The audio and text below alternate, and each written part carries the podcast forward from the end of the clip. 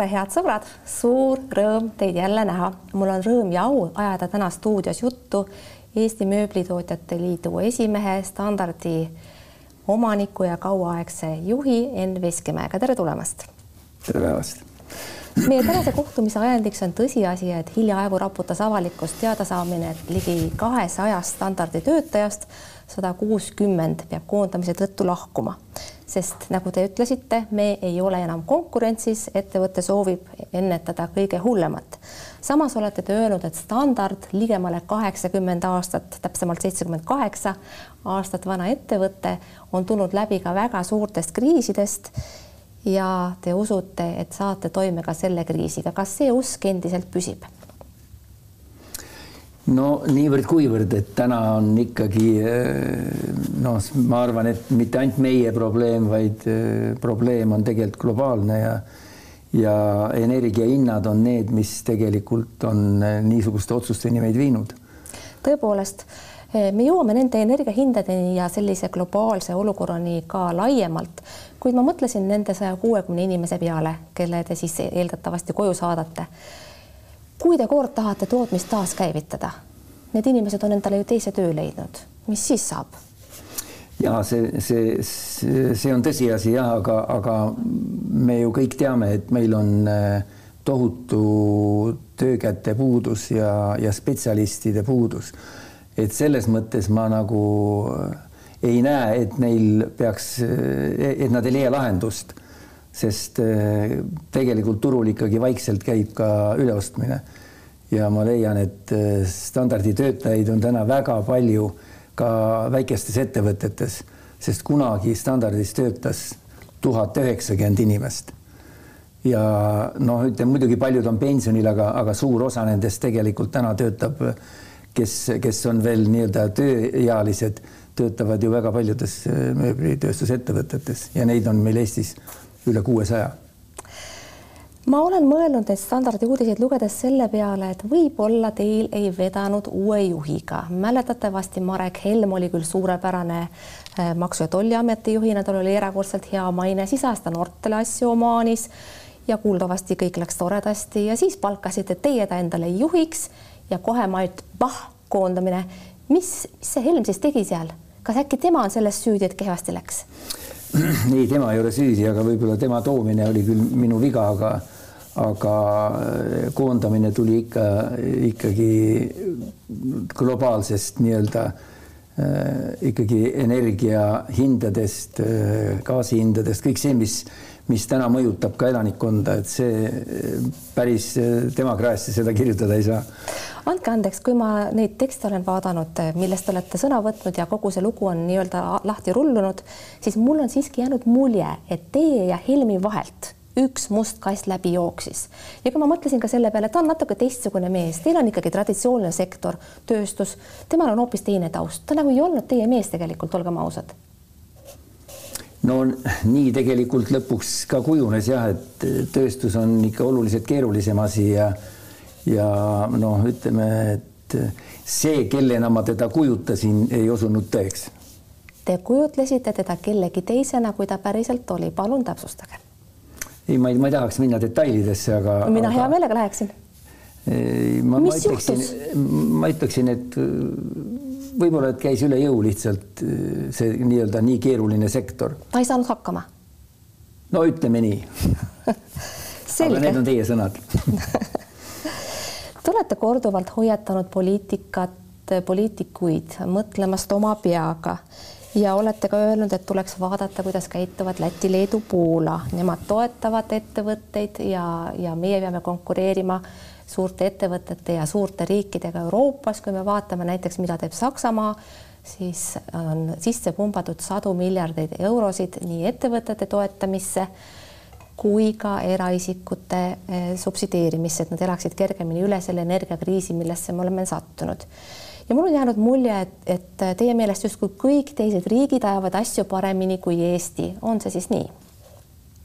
No kui, kui täna vaadata, mis toimub Euroopas ja, ja vaadata seda, kuidas kompenseeritakse kõrgeid eh, energia eh, hindasid täna teistes no kasvõi naaberriikides no minul on andmed praktiliselt kõikide kahekümne kaheksa riigi, no nende hulgas ka, ka Inglismaa, kes on siis toetanud ja kelle energiahinnad on tegelikult oluliselt odavamad kui, kui Baltikumis. ja ja kõik on mingil moel ikkagi leidnud äh, lahendid, kuidas äh, kompenseerida, ma ei ütle, ma ei nimetaks seda toetuseks, see on kõrge energiahinna kompenseerimine. ja jah, võib-olla kõige edukam on selles olnud Saksamaa, kus, kus ainult ettevõtete äh, toetuseks on, on eraldatud kuni kuskil järgmise aasta, kahekümne neljanda aasta aprillini viiskümmend neli miljardit kompenseerimisraha. aga Saksamaa on suur ja rikas riik, meie oleme väikesed ja vaesed, Eesti riigieelarve on miinuses. kust peaks see väike Eesti riik võtma raha, et tööstussektor ära päästa? No ütleme, et kui, kui, kui minu käest küsitakse, et nagu te küsite, eks ole, et kust peaks võtma, ma soovitaks neil küsida Lätilt, Leedult, kuidas kust nemad selle raha leiavad, me, me, me ei saa öelda, et me oleme väga erinevad, me oleme ju enam-vähem ühesuguse ajalooga ja, ja koos me alustasime kolmkümmend aastat tagasi, aga täna näiteks eh, Leedu on oma ettevõtjaid toetanud kuskil kuue ja poole protsendiga SKT-st, tähendab eh, kompenseerinud seda, neid energiahindu. Ja Läti eh, natuke üle kolme protsendi. Ja Eestis, kui ma vaatan seda tabelit, kus on siis kõik Euroopa riigid, siis Eesti on seal tagantpoolt kolmas null koma nelja protsendiga. See on tõepoolest niimoodi ja Eesti valitsus ja selle, selle ministrid on väga selgesti väljendanud seisukohta, et toetatakse küll mikroettevõtteid ja nagu me teame, toetatakse siis ka kodumajapidamisi, aga suurettevõtted peaksid vaatama ise, kuidas saavad, nende jaoks on olemas siis ainult mingisugused müstilised likviidsusmeetmed, ma ei tea, kas te plaanite neid kasutada või mis need õige peaksid tähendama, saate laenu või midagi? no laenu võtmine on täna ka juba noh, ütleme väga-väga küsitav, arvestades intressidega, mis on, mis kasvavad iga kuuga ja, ja mina täna leian ikkagi seda, et eh, kui teised riigid eh, leiavad lahendusi ja, ja Eestis ei kuulata meid lihtsalt, ma tean, et eh, me oleme pöördunud nii Kaubandus-Tööstuskoja kui Tööandjate Keskliiduga valitsuse poole ja ma olen isiklikult rääkinud nii mõnegi ministriga, ka peaministriga ja, ja. aga mis peaminister teile ütles?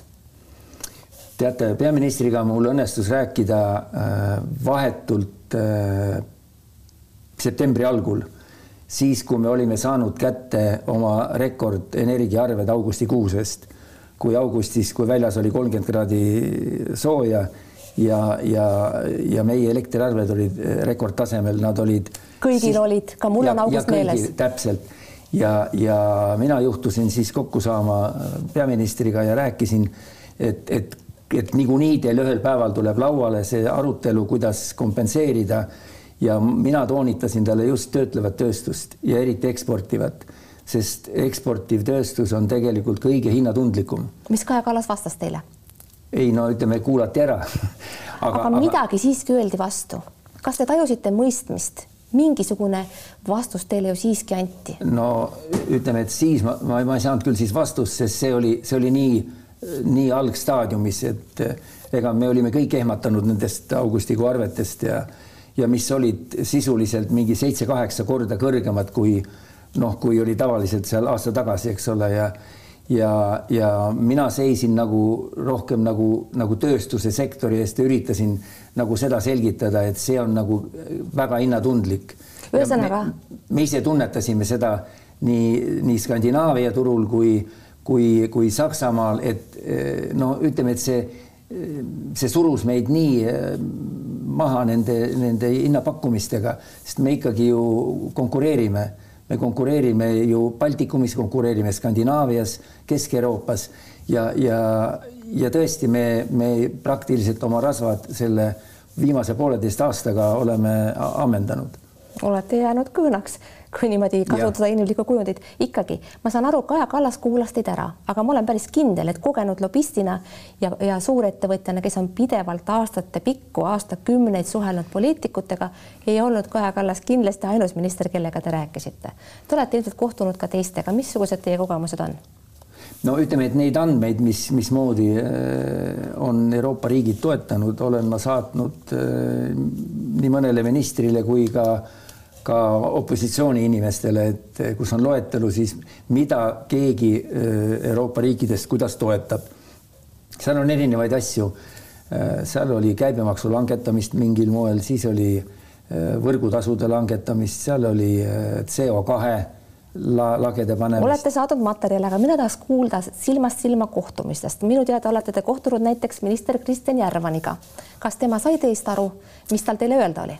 Kristjan Järvaniga oli meil Tööandjate Keskliidus üks niisugune ütleme, et volikogu liikmetega kohtumine küll Teamsis, aga, aga selgelt sai ta sõna ja ma pean tõesti tunnistama, et kas ta üldse ei valmistanud ette, kui ta tuli meiega kohtuma, sest see ring, kus oli kuskil, meid oli seal võib-olla kakskümmend, kakskümmend viis inimest ja need olid kõik need suurettevõtted ja, ja, ja majandusharu liitude juhid, kes tegelikult äh, ei, ei ole nagu saanud tunda seda, seda toetust või, või, või, või ütleme, et siis need, kes on kõik toetus nii-öelda kompenseerimisest ilma jäänud.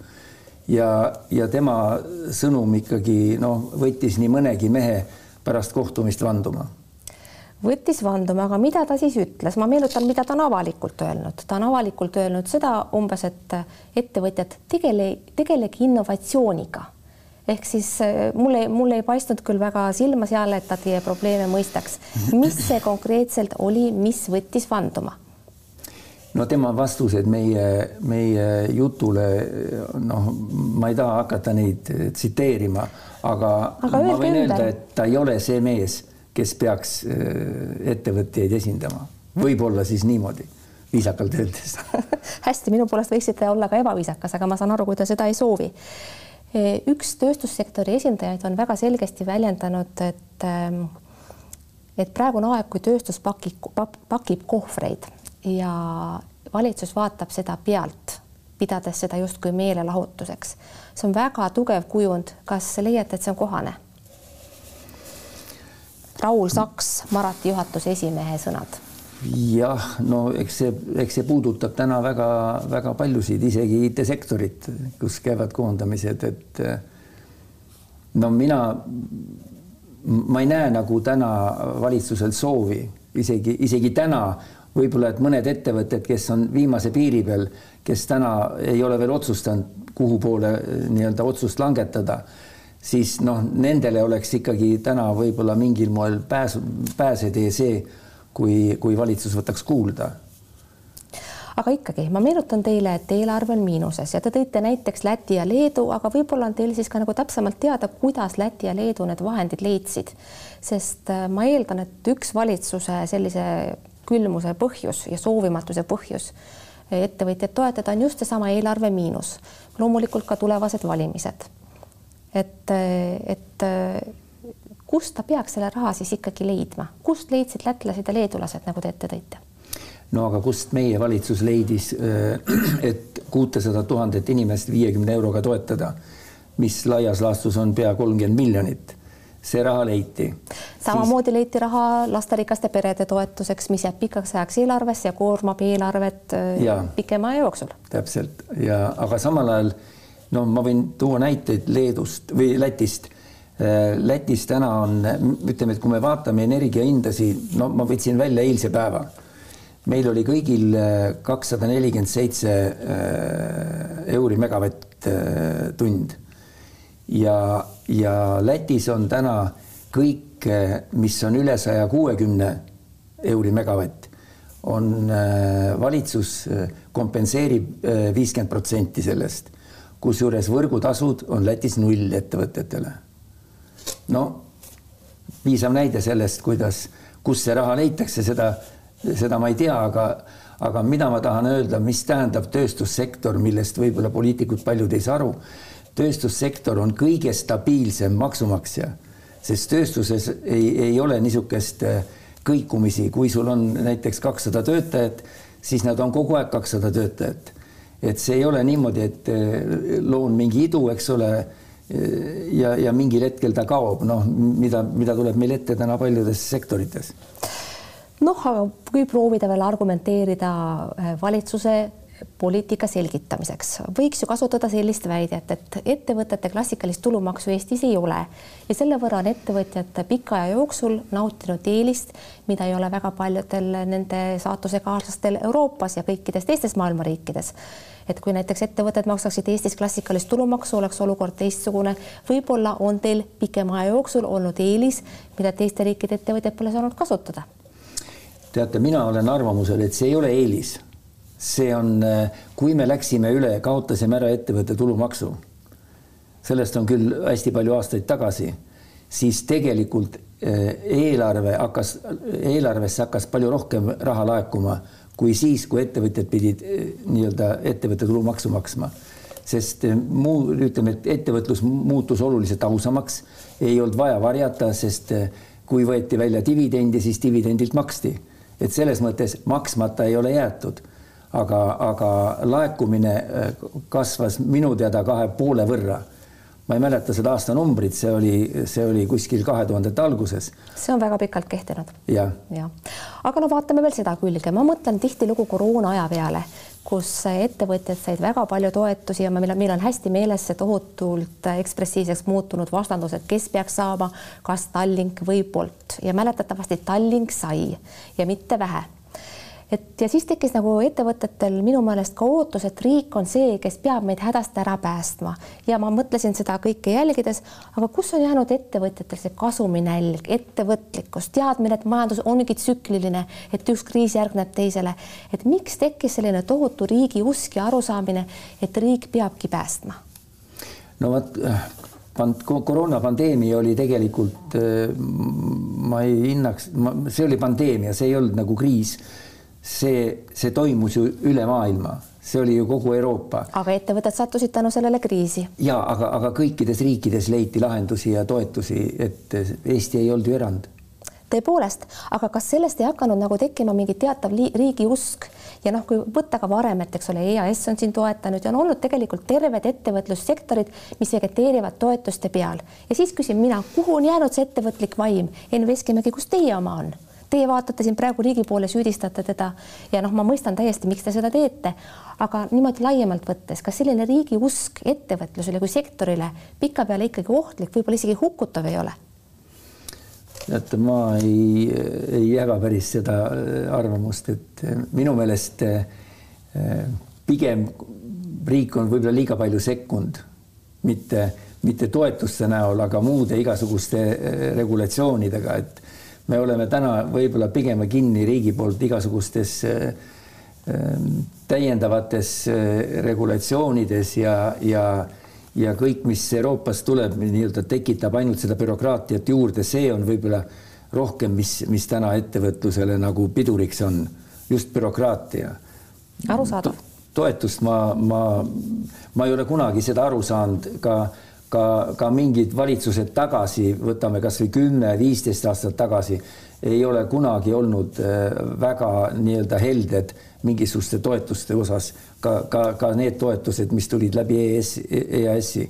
et see ei ole, see ei ole mingi rahakülv kui nüüd vaadata seda pikemaajalist äh, dünaamikat Tööandjate Keskliidu ja näiteks ametiühingute vahel, siis tööandjad räägivad tihtilugu, et tööjõumaksud on liiga kõrged, oleks vaja sotsiaalmaksu lage ja tööjõumakse võiks suures plaanis ikkagi langetada, et olla jätkusuutlik ja konkurentsivõimeline.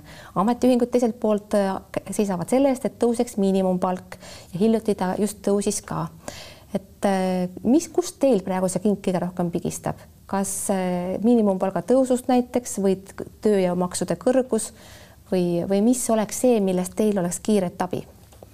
no miinimumpalga tõus, ütleme, et see puudutab väga noh, väga väikest osa minu, minu teada. standardis keegi, standardis keegi ei saanud miinimumpalka ega? ei. mis, mis seal standardis muidu palgad olid töömeestel? No erinevad, aga, aga ikkagi konkurentsivõimelised, et. no aga näiteks keskmiselt, seda oleks huvitav teada. et ma ei ole, ma ei ole seda, ma ei oska öelda, mis on keskmine, aga igal juhul meil niisugust kaadrivoolavust ei ole olnud, et keegi ostaks kedagi üle. et selles mõttes meil on palgad olnud ikkagi stabiilsed ja, ja inimesed noh, kui ma, kui ma ütlen, kui palju me inimesi täna koondame, meil on ikkagi suur osa töötajaid, kes on üle kümne-viieteist aasta töötanud. palganumbreid te välja öelda siiski ei taha? ma ei tea neid peast lihtsalt arusaadav, aga ikkagi, millest oleks kõige rohkem abi, kas tööjõumaksude langetamisest, maksudebatt tuleb kevadel nii või teisiti et mida teie ootate? siin näiteks Jüri Jaa on öelnud, et ei ole vaja üldse makse kärpida, mingit probleemi pole. aga mis teie ütlete? ja kärpida on vaja, aga kärpida on vaja. ei, mitte avaliku... käpp, ma ütlesin käppida, vabandage väga, see tähendab puutuda, et ei ole mingit maksudebatti üldse vaja. minu meelest ka ei ole vaja, tegelikult oleks vaja vaadata äh, avaliku sektori kulusid üle. ma, ma toon lihtsalt näite, kui, kui äh, Eesti riigieelarvest, äh, mul on kahekümne esimese aasta, tähendab eelmise aasta andmed kui kõik toetused, mis siis valitsus on seadustega välja jaganud, on viiskümmend protsenti kogu Eesti riigieelarvest, siis näiteks Taanis on samad kolmkümmend protsenti. et miks Eesti riigis on nii suured kulud just igasugustele toetustele härra Veskimägi, kevadel on valimised, maksud hakkavad kindlasti tõusma, seal pole kahtlustki. missugused maksud teie hinnangul võiksid tõusta, kui nad korra tõusma juba hakkavad? ma arvan, et eh, see, millest me eelnevalt rääkisime, mis puudutab igasugust kompenseerimist, mida te küsisite ka minu käest, et kust peaks Eesti riik selle raha võtma siis ma, ma tahan öelda, et ega tal peale maksuraha muud raha ju ei olegi. ja aga, aga ma tahan öelda, et, et seal ongi võib-olla see koer maetud, kus, kus avaliku sektori kulud ületavad tegelikult minu, minu teada ikkagi, kui võrreldes nii-öelda naaberriikidega, siis ikka noh, ütleme kümnetes protsentides. ma ei vaidle sellega, aga kui maksud tõusevad, kust nad peaksid tõusma, millel teie laseksite tõusta, missugustel maksudel ettevõtja käest ütleme, loota seda, et ettevõtja ütleb teile, et mida võiks tõsta, seda te ei kuule. hästi. kevadiste valimistega seoses tahaksin siiski huvi tunda ka, kelle poolt teie hääletate, missuguse erakonna poolt? see on ebaviisakas küsimus, aga andke andeks, ega ma muidu teada ei saa, kui ma ei küsi ja aga, aga ma ettevõtjana võin öelda, et ma, ma isegi täna ei tea, kelle poolt hääletada no kui me mõtleme selle peale, et Reformierakond on ennast pidanud ettevõtjate erakonnaks ja no viimasel ajal ta seda vist eriti ei ole. ja siis lõppes Reformierakonna valitsemise aeg ära, seitseteist aastat kestis, tuli Keskerakond, ettevõtjad kartsid vägagi, et kõik pööratakse pahupidi, aga see ei olnud nii kohutavalt hull. nüüd on kolmanda parteina või õigemini nüüd juba siis teise parteina äh, suuruse poolest ja toetuse poolest esiplaanile tõusnud EKRE. loomulikult on kõigil neil ikkagi vahe sees. missugune neist kolmest teile sümpaatne on? Isegi kui te täna veel ei tea, kelle poolt te hääletate? no ma võin öelda seda, et eh, eks see, eks see raha, mis, mis võiks minna toetusteks, eks ta lähebki nii-öelda valimiste lubaduste täiteks, et noh, ma tõin selle näite, et kuussada tuhat inimest on saanud siis eh, toetusi, eks ole, viiekümne euro kaupa. et võib-olla see ongi üks osa, mida oleks võinud mõelda, on Saksamaa võtab ju laenu selleks, et, et tööstust toetada. aga küsimus oli, kes neist kolmest nimetatud erakonnast teile sümpaatne on, ma sotse ei hakka üldse pakkumagi, ettevõtetele sotsid tavaliselt üldse ei meeldi. tead, minul ei ole e-, erilisi sümpaatiaid, sest poliitikud on kuidagimoodi elavad omas, omas maa, maailmas, sest neil, nad, nad kuulavad meid no nii-öelda aeg-ajalt, kuulda nad ei võta aga, aga täna ma näen seda tegelikult, et eh, kui te mainisite Reformierakonda, siis, siis mul on, mul on ka eh, nii-öelda eh, ka info sellest, et, et kui oli arutusel valitsuses kas tööstust ja, ja et keskmisi ja suuri ettevõtteid toetada, siis väidetavalt selle oli just Reformierakond nagu laualt maha võtnud. Teie pettumuseks? arusaadav. Härra Veskimägi saate kõige viimane küsimus. loomulikult ei tähenda eh, käimasolev eh, olukord majanduses ja ränk inflatsioon, mis purub, pureb meie kõikide rahakotte, teie jaoks seda, mis tähendab võib-olla tavalisele palgatöölisele. kuid siiski äkki lubate huvi tunda, kas ehk ka teid on see inflatsioon kuidagi mõjutanud ja kas te olete ehk ise muutnud oma tarbimisotsuseid sellepärast, et hinnad on nii palju kõrgemad viimastel kuudel? Ikka, see mõjutab kõiki ja no võib-olla piltliku näitena, eks ole, et et ma olen kodus majas välja lülitanud ventilatsiooni, tühjaks lasknud basseini. Teil on üks bassein või kaks? ei, mul on üks väike bassein maja sees väike. bassein on tühjaks lastud? ja, ja, ja, ja mida veel, et äh, abikaasa kindlasti vaatab, jälgib äh, pesu pesemiseks sobivaid kellaaegu, kui energia hind madal on, et see kõik on meid mõjutanud. Teil on börsipakett, ei võtnud isamaalist elektrit äh,? mul on börsipakett, jah tänan teid, härra Veskimägi, selle meeleoluka jutuajamise eest. head sõbrad, aitäh, et te vaatasite järgmine saade on juba järgmisel nädalal ja praeguste andmete kohaselt juba esmaspäeval. olge vahepeal terved, mingu teil hästi, kuulmiseni ja nägemiseni